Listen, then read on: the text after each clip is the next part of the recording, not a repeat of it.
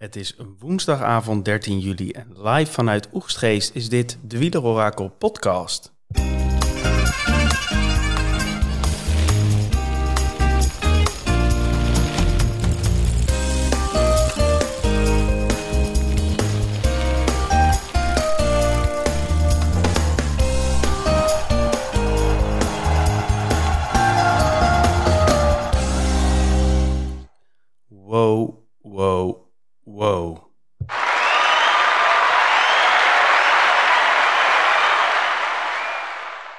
Dat was met Ritje wel, Thomas. Ja, dit was, eh, dit was echt niet normaal, Tom. Dit was, eh, nou ja, ik denk dat het wel statement is, maar dit is denk ik wel eh, de mooiste toerrit die ik in ieder geval de laatste, de laatste tien jaar heb gezien. Echt bizar dit. Ja, je, nou ja, vooral dat vroege, dat vroege aanvallen en dat vroege, dat de kopmannen tegen elkaar strijden. Ja, dat, dat is iets van vroeger, eh, heb ik altijd het idee. En nu in, eh, in de tijd met Van der Poel en Alaphilippe en ook Pogacar gebeurt het wel eerder. Maar zeg maar op dit niveau en dan zo alle kaarten op tafel, eh, op, op Ja. praktisch, nou niet de eerste berg, maar wel de eerste serieuze berg. Ja, is toch wel mooi. Ja, en gewoon van start tot finish eh, actie. Hè? De, start, de, de vlag werd eh, gezwaaid en eh, Van de Poel en Van Aert. Dat zijn toch niet de twee minsten die rijden weg. En eigenlijk zit je dan... je ziet de hele tijd al dat Jumbo bezig is met, met een plan. Vanaf, vanaf het begin af aan. En dat dat dan zo uitpakt uiteindelijk. Ja, dat is bizar, bizar knap. En ja, vanaf de voet van die telegraaf helemaal. Als je dan ziet wat er allemaal gebeurt. Het is gewoon... Je komt bijna ogen tekort. Ja, bijna wel. Nou, we gaan het wel eventjes proberen te, te beschouwen en eh, te analyseren wat er allemaal gebeurd is. Als we even starten met, eh, met de top 10, om, om meteen maar even met de deur in huis te vallen. Eh, op 10 eh, vluchter uh, Bargiel, eh, die volgens mij aan de voet van de slotklim nog ruim drie minuten en bijna vier minuten had. Die komt uiteindelijk op 4 minuten 16 binnen van de winnaar. Is toch, eh, is toch knap? Ja, Eh Ja. 9 eh, Kruiswijk. 8 Lutsenko. 7 Pogacar. Op 2,51. 6 Adam Yates. 5 David Caudu. 4 Geraint Thomas. 3 Bardet. 2 Nairoman. Quintana. Netjes hoor. En eh 1, ja, de absolute man van de dag, Jonas Vinkegaard. Waar gaan we beginnen? ja. Nou, eh, wat zullen we eens doen? Eh, laten we zeggen, de eerste, de eerste tactische keuzes van Jumbo. we Ja, hebben door, het daar natuurlijk gisteren over. Gisteren waren we al wat aan het voor, voorbeschouwen. Wat zouden ze kunnen doen, hè? ja, Toen hadden we het over, nou, in ieder geval die ploeg van Pogacar uitzien te roken. Of Pogacar zelf moe maken. Nou, ja, daar hebben ze in die zin eh, hebben ze goed geluisterd.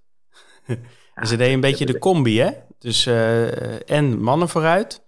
En ook eh, nou ja, gewoon tempo maken of in ieder geval initiatief nemen al vroeg in de wedstrijd. Ja, en de- eigenlijk zorgen dat, dat Pogacar gewoon geen moment tijd heeft om echt te herstellen.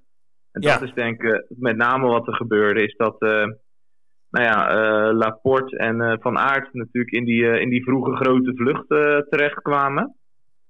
Wat prima was. Nou, dan krijg je daarachter de situatie dat die mannen van Poga- Pogacar, wat er zich niet zo heel veel meer waren, maar die moeten toch erachteraan gaan rijden op de een of andere manier. En vanaf de voet van de Telegraaf is het vervolgens is het prikken begonnen met, met Roglic en, eh en Vingegaard. Ja, want op de, op de Telegraaf, zeg maar, de, wat, hoe het begon, was dat Benoot, die, eh, die gaf ineens gas. Ja, Met Roglic in zijn wiel. En ehm, nou ja, toen zag je al, eh, helemaal suf trouwens, maar op dat moment, of ongeveer op dat moment, schakelde de regie naar eh, de kopgroep. Want er waren wat bergpuntjes, gingen er gescoord Ja. worden door Pierre Latour, volgens mij. ja. En dus eh, in principe misten we dat allemaal. Maar je zag, je zag nog wel eh Pogacar ook reageren. Dus je zag wel meteen van oké, de kopmannen die gaan gelijk eh, aan de bak. Want je hebt natuurlijk nog wel eens, dat, dat was ook in, de, in vroegere tijden, dan raakten ze nooit zo in paniek van die vroege aanvallen, want er ging gewoon de trein op kop, hè? Ja, dat was de Skytrain van, des, van, van Weleer. Ja, ja, en dat was, goed, nou ja, die, die was er niet meer. Pogacar heeft ook geen Skytrain, dus... Nee. En uh, nou ja, Roglic en uh, Vingegaard uh, kwamen met Pogacar te zitten. En Thomas die, die zat een beetje op het vinkentouw, die kon wel meedoen. Ja. En omste beurt, hè? Omste beurt Roglic, Vingegaard, Roglic, Vingegaard en Pogacar die reageerde, die, of in ieder geval die besloot overal te reageren. Ja, ja nee, maar dat, dat was natuurlijk wat hij dacht. Maar hij was natuurlijk ook, hij was nog niet helemaal gerust op Roglic ook. En het is voor die mannen van Jumbo natuurlijk wel leuk, want hè, stel Roglic demereert, dat is een fikse inspanning. Nou, dan moet Pogacar erachteraan, ook met een fikse inspanning. Maar Vingegaard, ja, die kan dan een beetje achter, hè, vanuit het, in het wiel van Pogacar erachter blijven gaan. En die weet toch dat het daar dan weer stil gaat vallen uiteindelijk. Dus die heeft die inspanning veel minder. Dus het zijn voor Pogacar, zijn, waren dit op de Telegraaf, dit waren al de eerste soort van uh, barsten die ze aan het slaan waren in zijn, uh, in zijn, in zijn harnas, als het ware. Uh, om, en dat is, weet je, uiteindelijk later, we weten nu natuurlijk hoe het geëindigd is. Maar dat is, wel, dat is wel heel belangrijk dat ze daar al zo vroeg mee zijn begonnen. Ja, en is het dan, kijk, achteraf sowieso, maar is het dan een soort van fout van Pogacar om ook op Roglic te reageren? Ja, nou ja, weet je, als hij niet reageert, uh, dan uh, komt Roglic daar met een Laporte of met een Van Aert uh, terecht. Nou, die kunnen dan, die, dan gaan Vingegaard en consorten die gaan achter de rug van Pogacar zijn teammaten zitten. en dan moet Pogacar zich ook enorm uitsloven. Kijk, nu weten we dat Roglic eigenlijk helemaal niet zo goed was. Dat hebben wij gisteren natuurlijk ook al een beetje gezegd in onze podcast, hè? Nou ja, Roglic, maar die stond nog wel dichtbij genoeg. Hè? En, je, en het blijft ja, dat je niet helemaal weet hoe die hersteld was. Dus ik snap het op zich ook wel. Maar hij zat nu wel echt... Ze deden het perfect uh, ja. tot op dat moment. En uh, precies bovenop die telegraaf wachtte Laporte. Nou, die, uh, die, die smeet zich naar beneden. waardoor ze ook nog even wat mannen op achterstand hielden. Maar op de Galibier liep het allemaal een beetje samen. En toen ineens zagen we ineens vijf jumbo's in, de, in de voorste gelederen. Want er zaten Benoot was ook weer terug. Koes was weer terug. En ook Kruiswijk, die echt enorm sterk was vandaag. Die, die was er ook bij. Dus op een gegeven moment zaten ze gewoon met, met vijf jumbo's. Want je had natuurlijk Roglic en Vingegaard. Nou, Laporte was er dan wel af. En dat je Van Aert er nog voor zitten. Dat je denkt, zo dan. En toen, toen dacht uh, Pogacar dacht van, nou, dit wordt me een beetje te heet, uh, die zwermbijen. Ik, uh, ik geef gewoon zelf gas op die Galibier. En toen kreeg hij Vingegaard met zich mee. Ja, en, maar goed, die nam niet over. Dus al het nee. werk daar is gedaan door Pogacar. Ja, dus die heeft echt kilometers lang geknald.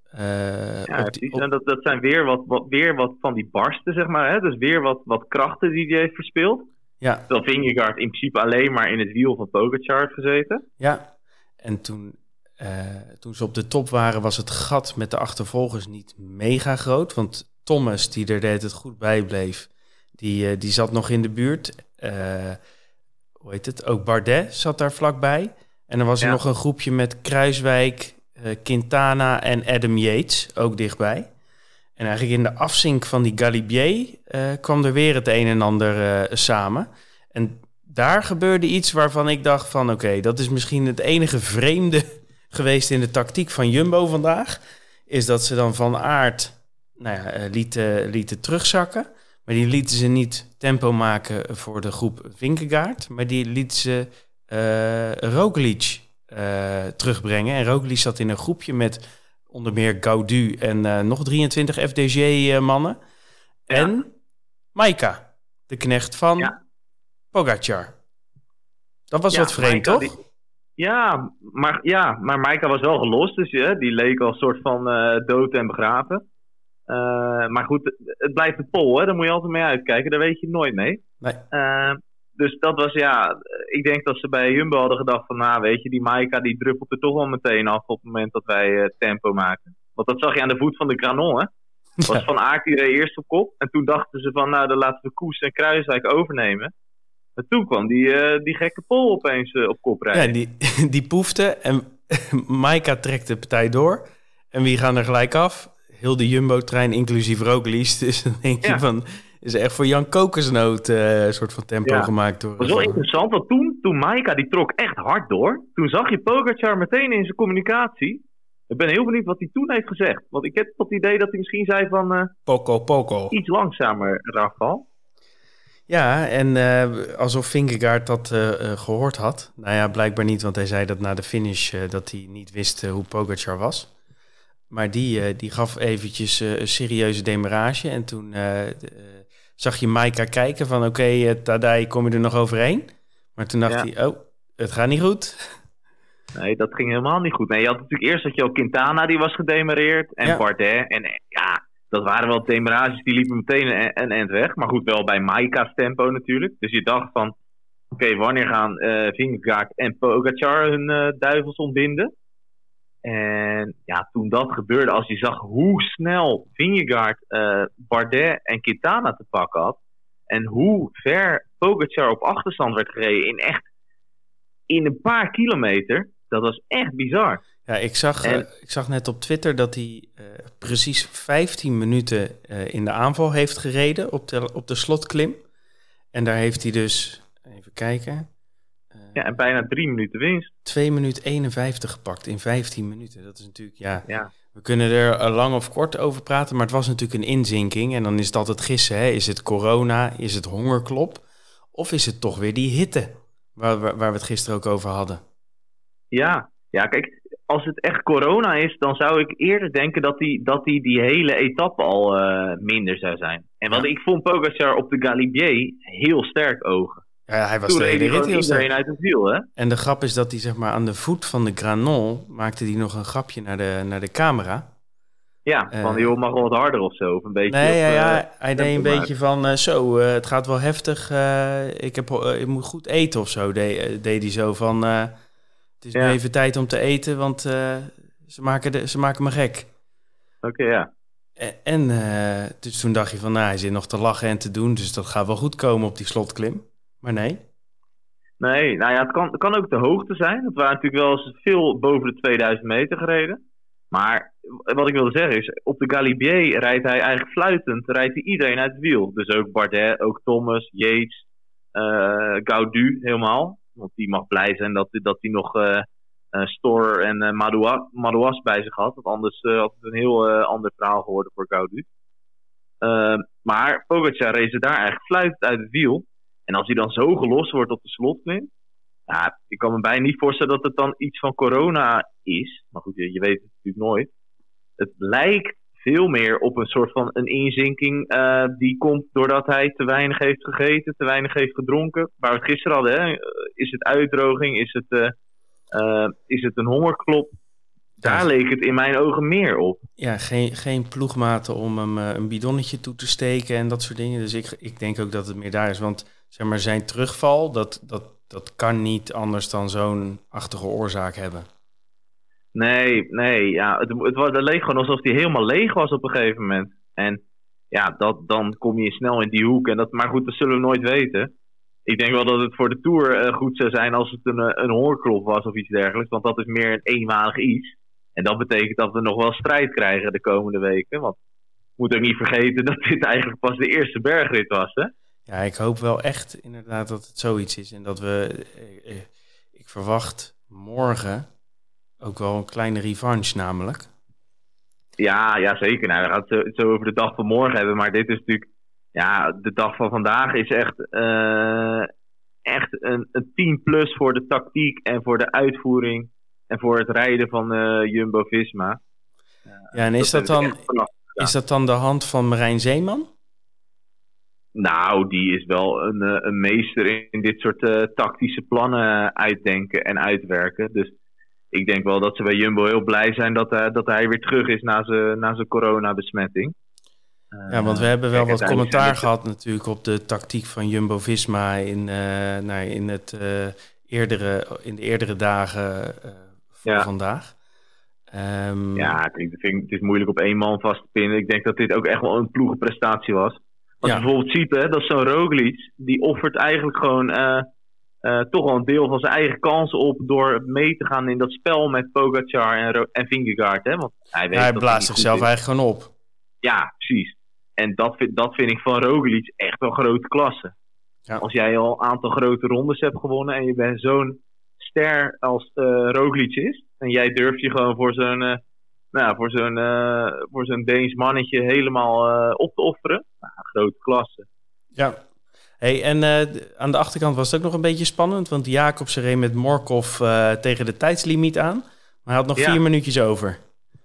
Ja, ja, weet je, ik, ik zit daar dan ook altijd naar te kijken. En ik, heb, ik ben dan altijd een beetje dat ik zit te denken van... Nou, hoe zijn die nou, die bergen? Zal dat nou allemaal wel helemaal echt eerlijk gaan? Denk je er wel eens aan? Nou ja, ik denk er niet alleen aan. Ik heb wel eens beelden gezien. Um, Morgen overigens denk ik dat het ook niet helemaal eerlijk zal gaan... Uh, met onze vriend Jacobs uh, op een nee. kolletje in uh, het zuiden van Frankrijk. Nee, de, de, er is een kolletje waar wat meer Nederlanders staan dan normaal. Dat, uh, dat klopt. Maar inderdaad, ze komen dan net binnen die tijdslimiet binnen. Wat ik eigenlijk al heel knap vind. Want als je bijvoorbeeld kijkt naar, nou ja, bijvoorbeeld Pitcock, hè? Die zat aan de voet van de klim, die laatste klim. Zat hij nog bij, bij Vingegaard in, in dat groepje. En die eindigt op een minuut of tien. Dus die heeft op die slotklim heeft 10 minuten verloren. Nou, je ik weet, het is niet jouw beste vriend, maar die kan denk beter klimmen dan Jacobs. Op zich uh, meestal wel. Dus laten we dan zeggen dat Jacobsen toch op zijn slotklim ook wel, ja, misschien wel 20 minuten of zo verliest. Ja, nee, dat nou ja. klopt. En dan zijn daarvoor is de Galibier nog, eh, ja, dus dan, dan is hij ergens heel hard gegaan in die etappe. Of hij heeft toch wat, uh, wat hulp van uh, een of ander gehad. dat, dat, weet ik, dat zijn altijd van die gedachten die ik heb. En, uh, en, je hebt inderdaad wel eens van die beelden. Maar ja, uh, ik vind het in ieder geval fijn voor Jacobsen dat hij vandaag binnen de tijd was. Morgen wordt weer een uitdaging, denk ik. Nou, laten we eens naar de dag van morgen gaan, Thomas. Ja, want we denken dat we nu die Alpen wel gehad hebben. Maar uh, we krijgen nog even een etappetje, Tom. We krijgen etappe 12. En die gaat van Briançon naar Alpe. Nou ja, zeg uh, de Franse Alpen en je hebt deze twee plaatsen direct bij de top 10. Uh, wat gaan we doen? Nou, we gaan klimmen. We gaan drie keer een call van buitencategorie op morgen. En dat doen we eigenlijk al meteen vanuit de start. Starten dus in Briançon. En eigenlijk gaan we dan wat vals plat omhoog. Totdat de col de Galibier begint. Dat is uh, de Galibier die we vandaag ook deden. Alleen dan wel van de andere kant. Dat is de kant die ze vandaag, uh, waar ze vandaag een groot deel van de afdaling in meepakten. Maar die is wat beter te doen dan, dan de kant van vandaag. Dit is 23 kilometer aan 5,1 procent. Maar goed, let wel, 23 kilometer. Dat is niet niks. Vanuit de start? bijna vanuit de start. Na 10 kilometer begint hij officieel de klim. Maar hij, hij loopt, als je het profiel bekijkt, loopt hij al een beetje vies omhoog. En, dan, en dan start die klim. Het is echt uh, hel voor uh, iedereen die niet van klimmen houdt. Dat klopt. En het zwaartepunt zit in het laatste deel. Maar met name de kilometers klimmen worden deze etappen worden, worden wel worden slopend. Omdat ook deze etappe is niet al te lang. Hij is 165 kilometer. Dus er zitten gewoon heel veel klimkilometers in. En dat is best funest voor, voor de sprinters onder, uh, onder de deelnemers. Nou goed, we zijn dan boven de Col de Galibier. Dan gaan we een redelijk lange afdaling in.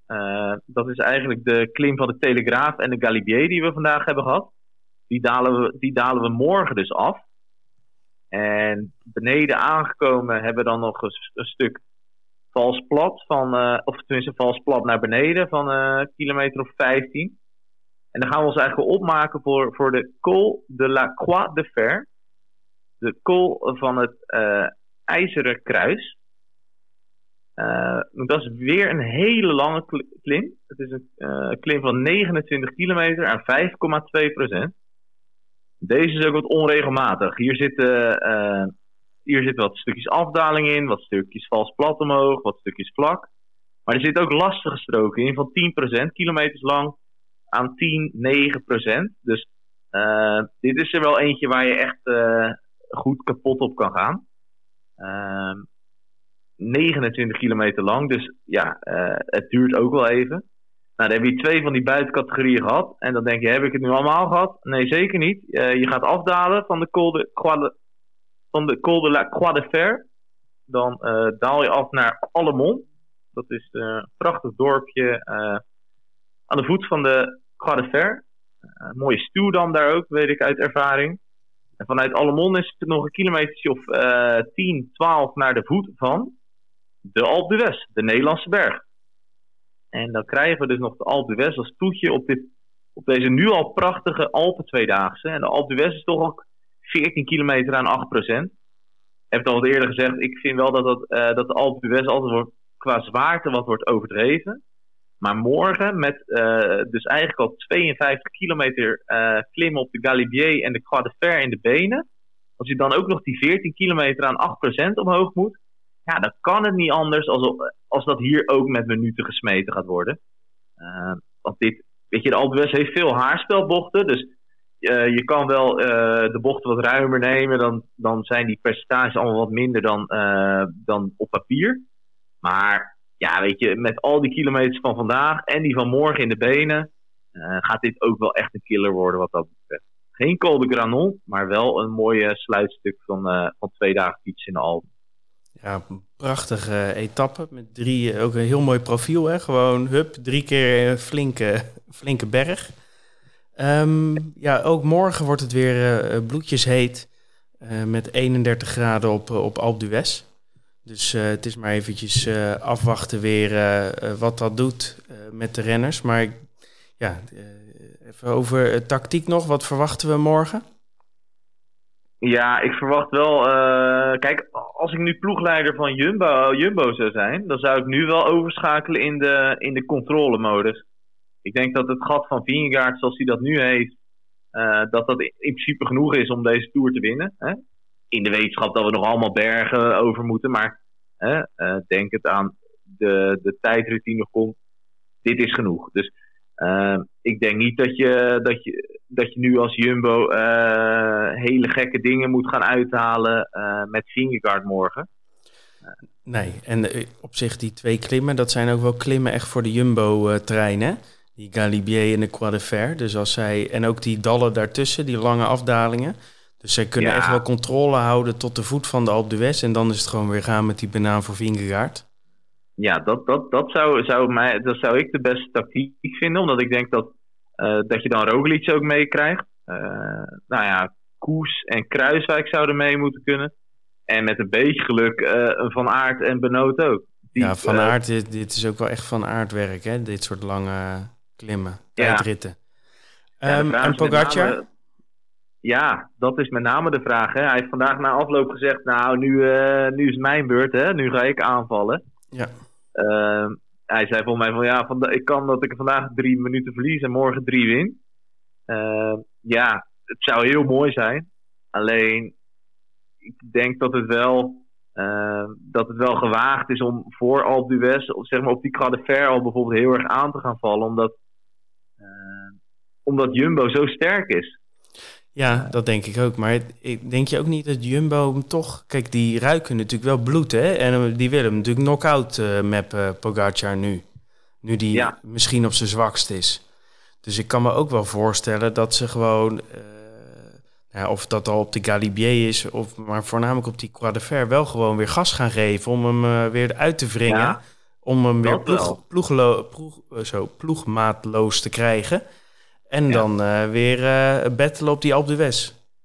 Nee, dat klopt. Dat denk ik wel. Ik denk wel dat ze vanuit Jumbo gewoon... Uh, dat, dat die een soort van Skytrain waar we het net over hadden gaan, gaan doen. maar echt gewoon druk blijven zetten op die concurrenten. Want als je het idee hebt dat, dat die niet, niet goed is... dan kan natuurlijk iemand er ook heel hard doorzakken. alleen, ja, het heeft, ze kunnen nu niet meer gaan aanvallen met Roglic. Want dan denkt Pogacar ook van, nou, weet je, laat maar gaan.